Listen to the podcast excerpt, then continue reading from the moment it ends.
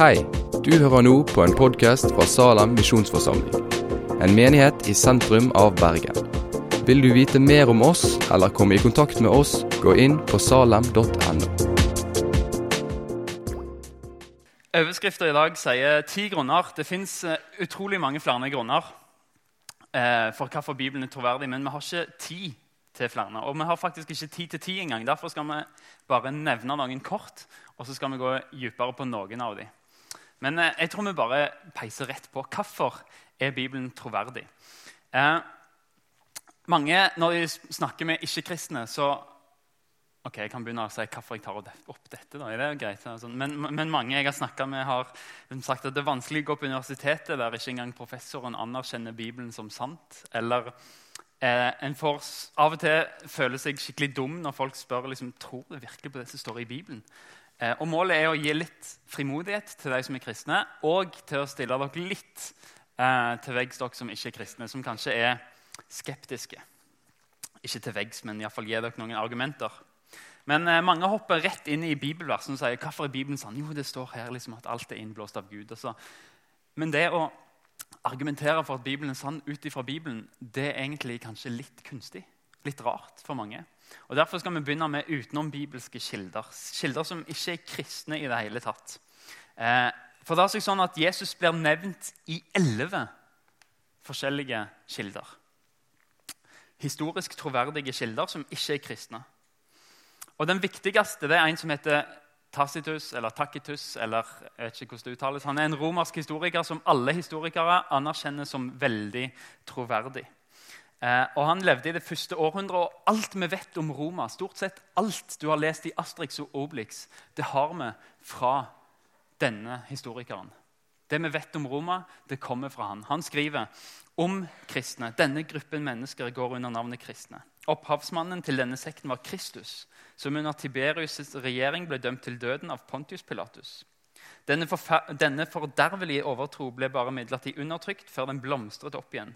Og ikke bare i Judea, som var ondets opphavssted, men også i Rom, hvor alaskens avskyelige og skamlige ting flyter sammen og trives. Han er ikke veldig hyggelig innstilt til kristendommen, men han skriver om en Kristus eh, og en opphavsmann som ble dømt til døden av Pontius Pilatus. En annen viktig er Josefus, en jødisk historiker som på en måte heller ikke er veldig fan av kristendommen. Men han skriver òg om Jesus. På den tid var det en vis mann som ble kalt Jesus, og hans vandel var god. Han var kjent for å være rettskaffen. Mange av jødene og mange av andre nasjoner ble hans disipler. Pilatus dømte han til korsfestelse og død, men de som var blitt hans disipler, ble ikke frafalne. De fortalte at han hadde vist seg for dem tre dager etter korsfestelsen, og at han var i live. Følgelig var han kanskje Messias, som profeten hadde fortalt skulle gjøre under. Og den kristne stamme som fikk navnet sitt fra ham, er ikke utryddet til denne dag. Bare understreker at Han skriver ikke på norsk. Han skriver altså på latin. Så bare sånn at det ikke her, det her er bare oversatt. bare sånn at dere vet det. Teologer vi tror at alle vet Nei. Eh, men dette skriver altså Josefus og Tacitus Tacitus, Nei, vi vet ikke helt hvordan vi skal si det der. Men det er altså, i tillegg til disse to, ni andre henvisninger i sju andre utenombibelske kilder som sammen skriver om Jesus, som gir et bilde av en som heter Jesus, som ble kalt for Kristus. Han helbreda mennesker. Han hadde disipler, han var opphavsmannen til kristen tro. Han hadde en bror som het Jakob. Han ble korsfesta av Pontus Pilatus. Disiplene hevda han sto opp igjen etter tre dager. De trodde han var Messias, og troa på denne Kristus spredde seg. Ser du det? Alt det trenger du ikke Bibelen for å vite om Jesus. Alt det står i andre troverdige, høyt anerkjente og samtidige kilder, altså som var samtidige med Jesus. De bekrefter det vi kjenner igjen fra Det nye testamentet. Ingen av kildene som nevner Jesus, går imot det som Bibelen sier om han. Altså, Historiske, litterære kilder de skriver om Jesus, men ingenting av det de skriver, går imot Det nye testamentet. Og Det er anerkjent av historiske forskere at Jesus har levd. At han gjorde mirakler, og at han ble korsfesta og at han ble kalt Kristus. Og det har seg faktisk sånn at uh, I forskning så fins det ei liberal side helt ute på fløyen som vi kaller for skeptikere eller ateister. Og De er faktisk veldig få. De skriker høyt. De kan lage overskrifter som f.eks.: 'Jesus var homofil'. Og så er det det vi leser i avisene fordi det catcher. Og så har du på andre sida har, du apologeter som nesten karrer seg litt til medieplass fordi at de skal liksom forsvare kristen tro. Men du har ekstremt mange i forhold til disse to bolkene som er bare midt i, som er mainstream forskning. Og De forholder seg til Nytestamentet som en troverdig historisk kilde. Og de sier Jesus har eksistert. Mest sannsynlig han helbreda mennesker. Han gikk rundt på jord, hadde disipler og alt det som de sier. Men de får ikke så mye mediedekning. fordi det at eh, Jesus brøt første århundrets bordskikk, det er ikke så veldig spennende nyheter i forhold til at han var homofil. Men de aller, aller fleste seriøse forskere de anerkjenner at Jesus har eksistert. Og så har du Richard Dawkins, som hevder at Jesus sannsynligvis ikke har eksistert. Og han henviser til en professor på London University. Og så tenker vi wow, en professor på London University har forska på at Jesus ikke har levd. Men det Richard Dawkins glemmer å si, er at han er professor i tysk språk. Sånn argumenterer mange. Og det blir litt feil å tro på sånn uten videre. Derfor må vi gå det i sømmene. Det andre argumentet er at vi har tidlige vitnesbyrd om Jesus. Et spørsmål. Hvis du vil at en historie skal være sann, ønsker du da vitner som er nær i tid, eller som er langt fra i tid? Nær, ikke sant? Du ønsker vitner som er nær. Og La oss se litt på kontekst. Eh, hvis du ser Mohammed, Mohammed, som jeg pleier å kalle han eh, han, Vi har kilder på Muhammed 125 år etter han er død. Og De kildene ble redigert i 50 år etterpå. Og Hvis vi ser på han som heter Siddhartha Gautama, eller bedre kjent som Buddha Vi har kilder som går tilbake 350 år etter hans død. Eller keiser Tiberius. Der har vi kilder. De er veldig bra. 77 år etter hans død. Og Dette er personer som forskere ikke i det hele tatt lurer på om har eksistert. sant? Men hvis vi ser på Jesus Den seneste kilden vi har på Jesus, det er ca. 65 år etter hans død. Det vil si at den dårligste kilden vi har på Jesus, er bedre enn den beste kilden vi har på Tiberius. Og Likevel så er det få som stiller spørsmålstegn om det vi vet om Tiberius. Dette gjelder kildene, men hvis vi ser på fra disse kildene til vi har de manuskriptene vi har i dag. Altså Hva er timegapet fra, fra der til det vi faktisk har i hendene i dag av sånne manuskripter? Av sånne hieroglyfer, holdt jeg på å si, sånn gresk og hebraisk. Eh, igjen, la oss, For at historien skal være troverdig, så ønsker vi så lite som mulig timegap. Hvis vi ser på eh, andre igjen, for å sette det i kontekst, en som heter Plini den yngre, en romersk, en romersk historiker der har vi 750 år fra en kilde til vi har hele manuskriptet hans. Og Der sier vi ja, dette har vi, hele Plini. Ingen problem. Sammen med Cæsar. Der er det en kilde, men det er først 1000 år etterpå at vi har hele manuskriptet samla. Og det samme med Platon, en av hans bøker. Der er det 1200 år. I Nytestamentet der har vi manuskripter, hele manuskripter som er 50 år mellom originalkilde og manuskript. Vi har hele evangeliet etter Johannes som vi samla 130 år etter Kristus. Det er ca. 100 år etter Jesus. Og Hele Nytestamentet var samla 325 år etter Kristus. Og de har vi manuskripter på. Her òg er Nytestamentet overlegent. Ser du at vi har de tidlige vitnesbyrder? Og så har vi tredje argumentet antall manuskripter. Et spørsmål til. Hvis du skal undersøke om en historie er sann, er det bra å ha mange vitner, eller er det bra å ha få vitner? Mange, ikke sant? Igjen litt kontekst. Cæsar. Vi har ti manuskripter på Cæsar. Allikevel så tenker vi ja, han har eksistert. Ingen problem. Vi har 20 manuskripter til den mest troverdige historiske romeren, romerhistorikeren Tacitus. Og Homer Iliaden den er knallbra. Den har 643 manuskripter. Er det noen som har lyst til å tippe på Nytestamentet? 1000? 5000? 24 633 manuskripter har vi. Iliaden med 643 det kommer på en god, god andreplass. Vi har 24 000 mer manuskripter bak Det nye testamentet enn beste nummer to. Det betyr at historien om Jesus er utrolig mye bedre bevitna enn om Julius Cæsar og Alexander den store. Og Ingen tviler likevel på at de har eksistert. Men det har noe å si med hvem Jesus sa at han var, og hva han gjorde. Cæsar og Alexander de angår ikke deg, men Jesus er du nødt til å ta stilling til. En som heter FF Bruce, som er en av de mest anerkjente tekstkritikerne av Nytestamentet. De går gjennom tekstene og ser kan det stemme. Er dette det som vi virkelig har fått, det som apostlene skrev? Han skriver There is no body of ancient, ancient literature, literature in the world which enjoys such a wealth of good textual attestation as the New Testament. Altså, det er ingen andre antikke litteratur som har bedre bekreftelse enn Nytestamentet. Hvem var det da som skrev argument nummer fire? Det er øyenvitner. Øyenvitner som skrev. Han som skriver, han som skriver Johannes-brevet, han skrev at vi har sett, vi har tatt på Jesus. Eh, vi har sett det, vi har hørt det, og vi forkynner det videre. Og Peter sier nei, vi var øyenvitner. Vi så hans guddommelige storhet. Og Lukas sier at jeg leverer det til deg, det som øyenvitner har sagt til meg.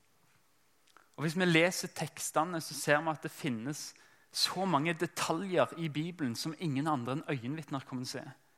For skriver de om en fiskefangst.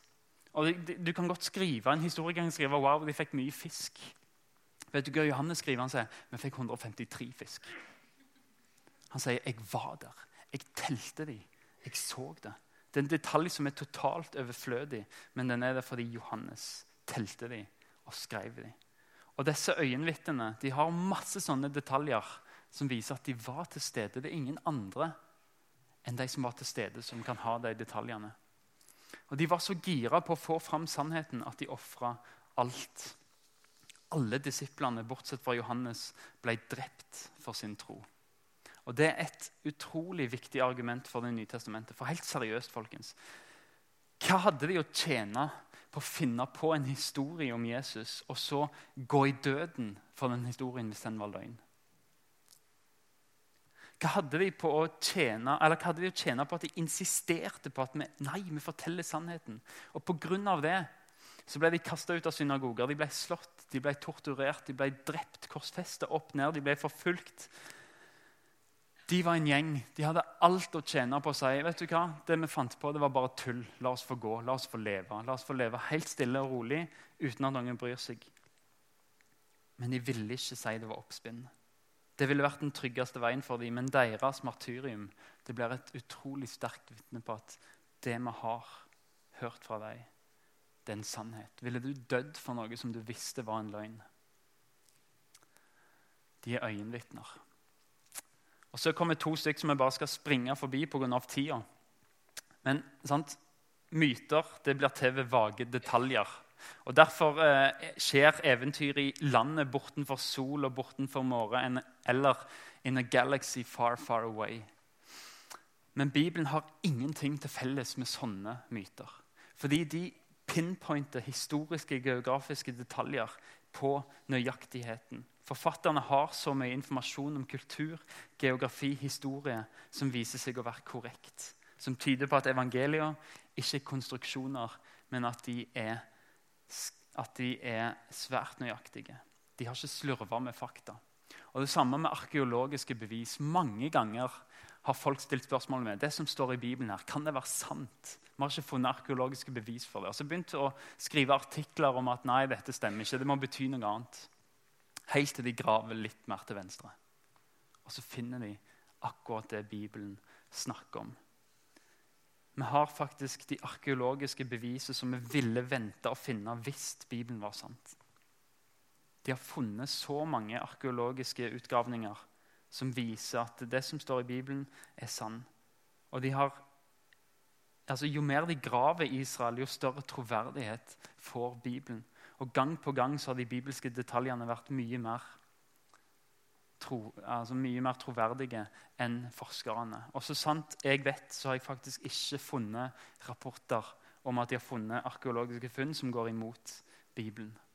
Det var jeg to litt kjapt. Og så det sjuende, som er litt stilig. Det har med flaue vitnesbyrd å gjøre. Dere skjønner at vi freser gjennom dette, og jeg kunne snakket dødslenge.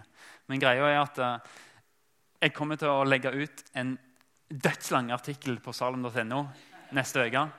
Så der, de som er interesserte, der kan lese de mye mer detaljert da. Men prinsippet for dette med flaue vitnesbyrd er at hvis et vitne bryr seg om sannheten aller først og aller fremst, så bryr det seg ikke om om det forteller noe som kanskje er litt flaut. Noe som gjør at en blir satt i et dårlig lys. Mennesker de lyger enten for å se bra ut eller for å slippe unna ennå skyld. sant? Hvis de skal slippe unna noe, så, så lyger de. Men, men, det er ingen som finner på en løgn for å få seg sjøl til å se dårlig ut. Hvis det er noe som er flaut for forfatteren, eller for saken, så er det sannsynligvis sant. Og Det er ganske banalt, egentlig, men dette er faktisk, når jeg studerte historie på universitetet her rett borti gata, så var det en av de viktigste kriteriene for en kilde. Det var, Er det noe der som er flaut for forfatteren, eller flaut for den saken som han hevder? Da er det sannsynligvis sant, fordi at de er opptatt av sannheten. Det som er flaut for forfatteren eller for saken, det er sannsynligvis sant. Og akkurat på dette prinsippet så kommer Bibelen usedvanlig bra ut. For Forfatterne og hovedrollene de, de er noen idioter av og til. De blir framstilt i svært lite smigrende lys. Når Jesus trengte støtte, så svikta alle disiplene. Peter fornekta Jesus tre ganger, og Peter kalles av Jesus for Satan på et tidspunkt. Og, og hvordan tror du det Hvis, hvis Markus og Peter sitter der så bare du, eh, som jeg skal skrive en historie så bare, du, du, Peter, Hvis vi får Jesus til å kalle deg Satan, da, da kommer de til å tro Hva tror du Peter hadde svart da? Han kan kalle deg Satan. Sant? Men disiplene Det står så mange ganger at de forstår ikke. De tviler, de er redde, de gjemmer seg. Og det er kvinner som vitner om oppstandelsen. De hadde aldri skrevet det hvis de skulle finne det på, for det kvinner var ikke troverdige vitner på den tida. Men hvis, hvis, oppstandelsen, hvis ryktet skulle gå fort, så var det smart å gi det til kvinner. Men det står at Beklager den. Men det står mange ganger at familien til Jesus de vil ikke tro på ham. Det er jo pinlig for Jesus at Jesus er med syndere. Det er jo uhørt. At En, en gang så, spør, så lurer folk på Jesus, er du stein gal. Hvem er det som finner på dette hvis de skal finne på en religion? De vil jo gi saken, gjøre en god sak. Altså, det er diskusjon mellom Peter og Paulus. De fremste lederne er uenige om noe. Disiplene pyser. Jesus ble korsfesta som en kriminell sin verste død. Jakob, som er liksom stamfaren til Israel, han er en svindler. Moses, som er liksom den lederen, han er pingla i begynnelsen. Han er morderen, flyktning. David, som er den store kongen og åndelige lederen, han er utro. Han dreper, han lyger. Og Guds folk er verre enn Sodoma og Gomorra, står det en plass. Og så sier de at framtida kommer til å bli skikkelig vanskelig. Det er få som blir frelst. Hvem er det som finner på sånn hvis du skal catche folk. Det er ikke funnet på. De skriver det fordi det er sant. De ville aldri funnet på å skrive dette hvis de skulle finne på en løgn. Det åttende det handler om Bibelens indre koherens. Og Her er det et viktig prinsipp i forskningen som slår igjennom. I mangel av et bedre norsk ord så heter det 'criterion of multiple attestation'. Når flere kilder uavhengig av hverandre får ca. det samme bildet av en person eller en historisk hendelse, da er saken mer troverdig. Tanken er at når flere kilder stemmer overens, så er det mer troverdig. Det er ganske logisk. Hvis, hvis det går et rykte, og du kan høre om noe som er helt usannsynlig, og så hører det fra én, og så går det noen dager, og så hører du det fra en annen som ikke har snakka med den andre, og så hører du det fra andre, og så hører, Jo flere det er, jo mer troverdig blir det. Og igjen så scorer Bibelen uvanvittig høyt. Bibelen har 66 forskjellige bøker med mer enn 30 forskjellige forfattere. De er helt uavhengige av hverandre, og de er skrevet i en periode på 1600 år. Det vil si at Moses kunne ikke snakke med Johannes om hva de skrev. De er skrevet på tre forskjellige språk, de er skrevet i forskjellige land og i forskjellige verdensdeler. De er skrevet av mennesker i alle samfunnslag. De er skrevet av fiskere, de er skrevet av rabbiner, de er skrevet av konger. De er skrevet av alt mulig. Og så er det 400 år mellom den siste i Gammeltestamentet og den første i Nytestamentet. De kunne ikke avtalt dette. De var uavhengige av hverandre. Men likevel så er det ett budskap gjennom hele Bibelen. Fra første Mosebok til åpenbaringen så forteller alle disse bøkene til sammen én historie. Sammen så gir de koherente svar, altså de samstemmer på de viktigste spørsmålene. Og at alle bøkene samstemmer så bra, det vitner om at Bibelen ikke er tilfeldig, men at den har et overordna mål, nemlig et budskap fra Gud til mennesket. En annen ting med Bibelens koherens det er at det er 300 profetier i Det gamle testamentet som ble oppfylt av Jesus. Og Da snakker vi ikke om profetier som handler om Israel, som er blitt oppfylt i moderne tid òg. Men vi ser at så mange profetier er blitt oppfylt og profetier som Jesus ikke hadde kontroll over. Han visste ikke hvor han skulle bli født. Han, ikke, han, kunne ikke arrangere hvordan folk skulle ta imot ham. Han kunne ikke arrangere sin egen død og hvordan han skulle bli begravd. Men det er profetert ned til minste detalj. Hvordan kan det forklares uten at profetiene er spot on? At Gud har åpenbart i noe? Hvis du leser Jesaja 53 når du kommer hjem, og så tenker du, hvem handler det om? 750 år før Jesus blir født. Det stemmer til punkt og prikke hvordan han skulle dø og hvordan han skulle begraves. Hvordan gjør du rede for det uten å ta Gud med i regningen? Argument nummer ni det finner du utenfor Bibelen, faktisk. I forandra mennesker sitt liv. Hva har den gjort med mennesker opp igjennom? Denne, denne boka her den har forvandla så mange menneskeliv. Og de peker tilbake på Bibelen, på dette budskapet. Det forvandla meg totalt. Og Historien er prega av sånne mennesker. De ti bud er blitt grunnlag for lovgivning i Norge, bl.a. I mange andre land. David sine salmer de har trøsta vanvittig mange sørgende. De forandra livet til Paulus, til Augustin, til Martin Luther, til William Wilberforce, til Leo Tolstoy, til C.S. Lewis og mor Teresa. Helt fra begynnelsen av kristendommen helt til dagens moderne tid er det vitnesbyrd om kraften i Bibelens budskap. Til og med nasjoner er blitt forandra. Se på kelterne i Irland. Se på vikingene i Norge når Kvitekrist kom. Hvordan ting ble forvandla. De satte ikke lenger barn ut i skogen for å dø.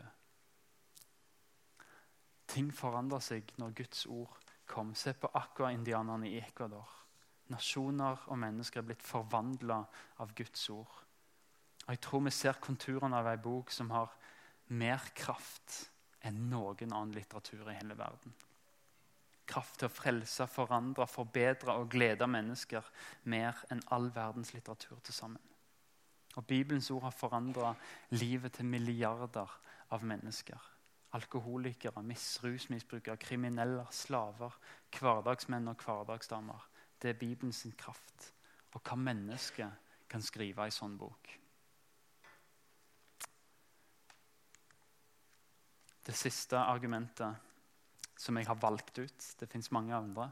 Men det siste jeg har valgt ut, det måtte jeg ta med på bekostning av mange andre. Jeg tror Bibelen og Guds ord er troverdig fordi Jesus sjøl sier det.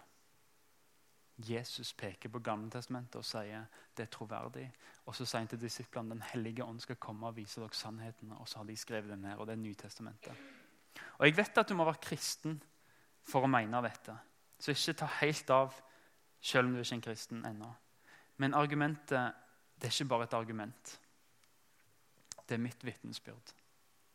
Det er ikke bare et argument, men det er en erfaring som jeg har opplevd Og da kan du ikke nødvendigvis bare ta det vekk med et vitnesbyrd, fordi vi har erfart det. Mange i Salem har erfart det. For Guds ord sier i Bibelen at Guds ord er virksomt i den som tror. Den gjør noe med oss. Den skaper trygghet. Den skaper visshet, den skaper glede, den skaper tro, den skaper liv. Den hellige ånd, som er Gud, arbeider i oss gjennom Bibelen. Og Det har jeg erfart i løpet av mange år med bibellesning. Den gjør noe med meg. Den gir meg nok til å stå her på talerstolen uke inn, uke ut og fortelle om hva Jesus har gjort. Den lar hjertet flyte over over hva Gud gjør for meg. Og Det er sånn Den hellige ånd jobber igjen som er kristen. Sånn at vi kommer til en plass der vi faktisk ikke trenger noen argumenter for å vite at Bibelen er sann. Vi bare vet det fordi vi møter Gud der. Vi vet det fordi vi har en relasjon med han som skrev boka. Jesus sa jeg er den gode hyrde, og mine sauer de kjenner min stemme. Sånn er det. Jeg kjenner hans stemme i Bibelen. Jeg blir kjent med han. Jeg får tro på han, jeg får tillit til han, og jeg kjenner igjen han i Bibelen. Og Du vil kanskje si at det er ren overtro. Jeg sier det er min erfaring. Det er det jeg har erfart, det er det jeg har sett. Det er det jeg kjenner på. At Guds ord taler til meg, at det er sant og at det er trygt nok til å stole på. Og Min erfaring trenger ikke et argument. Jeg har opplevd det. Jeg er Guds barn, jeg kjenner Guds stemme. Og Du kan òg få den erfaringen. Jesus sier den som vil gjøre hans vilje, den som vil gjøre Guds vilje, altså det som står i Bibelen. Den som vil gjøre det som står i Bibelen, skal skjønne om læren er av Gud, eller om jeg taler ut fra meg sjøl, sier Jesus. Det vil si at Vi tror ofte at vi sier til Gud Gud, vis meg at Bibelen er sann, så skal jeg tro på den. Vet du hva Gud sier? Prøv Bibelen. Lev sånn, så skal jeg vise deg at det er sant. Og Det har jeg sett i mitt liv. Jeg har prøvd å leve sånn. Jeg ser hva han gjør med meg. Jeg ser det skaper tro og tillit med meg. Vær lydig mot Bibelen, så skal du få se at den er sann. Prøv og smak at Herren er god. So what? Folkens, til og med du som er her som ikke er kristen hvis du skal være historisk korrekt, hvis du skal være vitenskapelig historisk korrekt og se på de kritiske metodene som vi begynte med i dag, så kan du med 99% vitenskapelig sikkerhet tro at du leser øyenvitner sine fortellinger om det de så. Det de så Jesus gjøre, det de hørte han si. Tenk på det når du leser fra Bibelen. Du kan ikke nødvendigvis bare bortforklare hva som skjedde. Det har faktisk historisk troverdighet. Hvis det står i Bibelen at Jesus sa noe, så har vi all grunn til å tro at han sa det. Hvis det står at han gjorde noe, så har vi all grunn til å tro at han gjorde det. Vi, må ta Bibelens, alvor, Bibelens ord på alvor, og så må vi se om det stemmer i våre liv.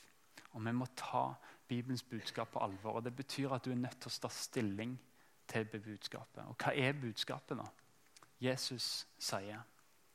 For heller ikke menneskesønnen, altså jeg, Jesus, heller ikke Jesus er kommet for å la seg tjene, men for sjøl å tjene og gi sitt liv som løsepenge for mange. Jesus kom for en løsepenge, for å tjene oss. Og Så kan vi stille spørsmålet ja, men trenger vi det. da? Trenger vi løsepenger? Er vi fanga, liksom? Løsepenger er jo å kjøpe fri folk som er fanga. Er vi fanga? Hva er greia da? liksom? Jeg, jeg føler meg ikke fanga.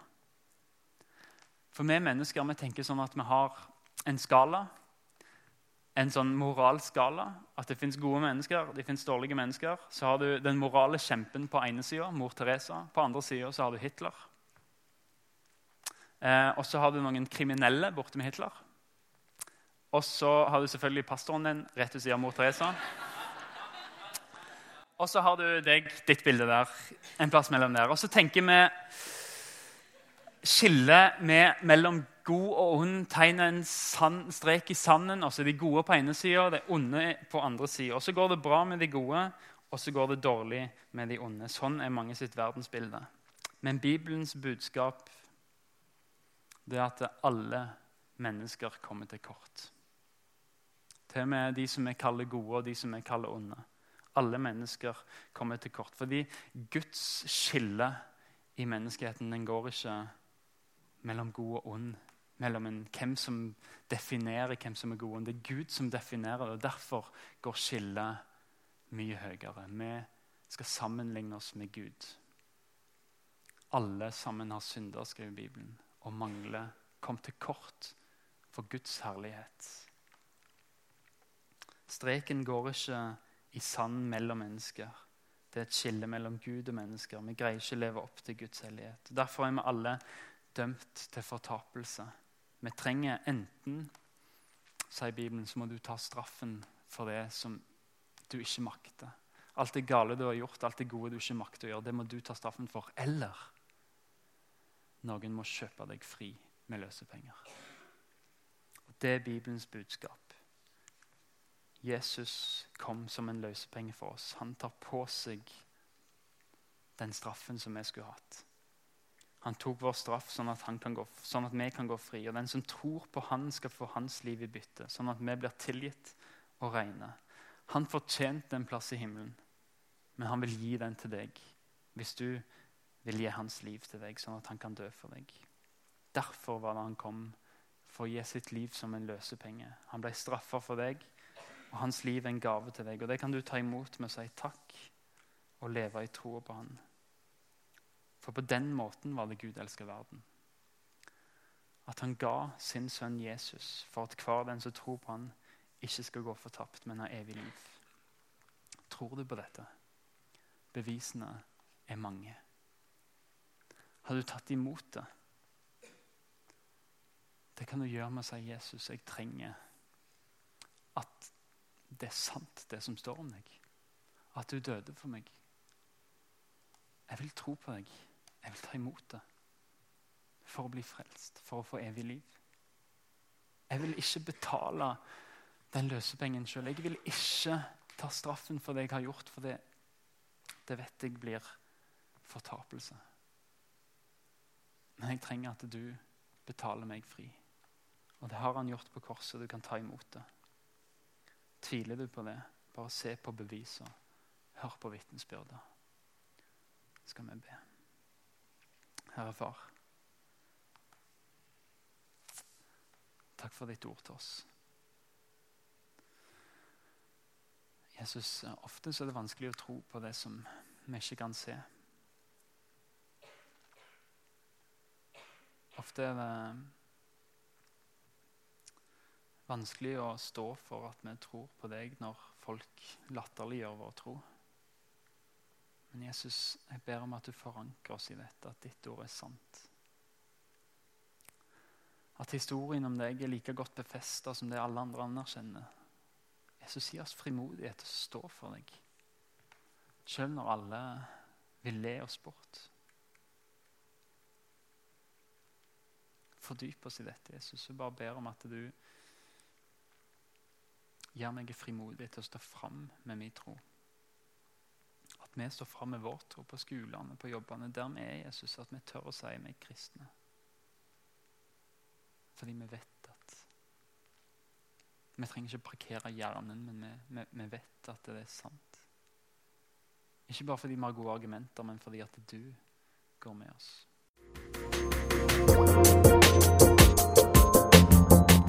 Takk for at du har hørt på podkasten fra Salem, Bergen. I Salem vil vi vokse i et stadig dypere fellesskap med Gud og med hverandre. Vi vil være Jesu hender og føtter, og vi vil være med å forkynne frelse for Bergen og resten av verden. Besøk oss gjerne på salem.no om du vil vite mer.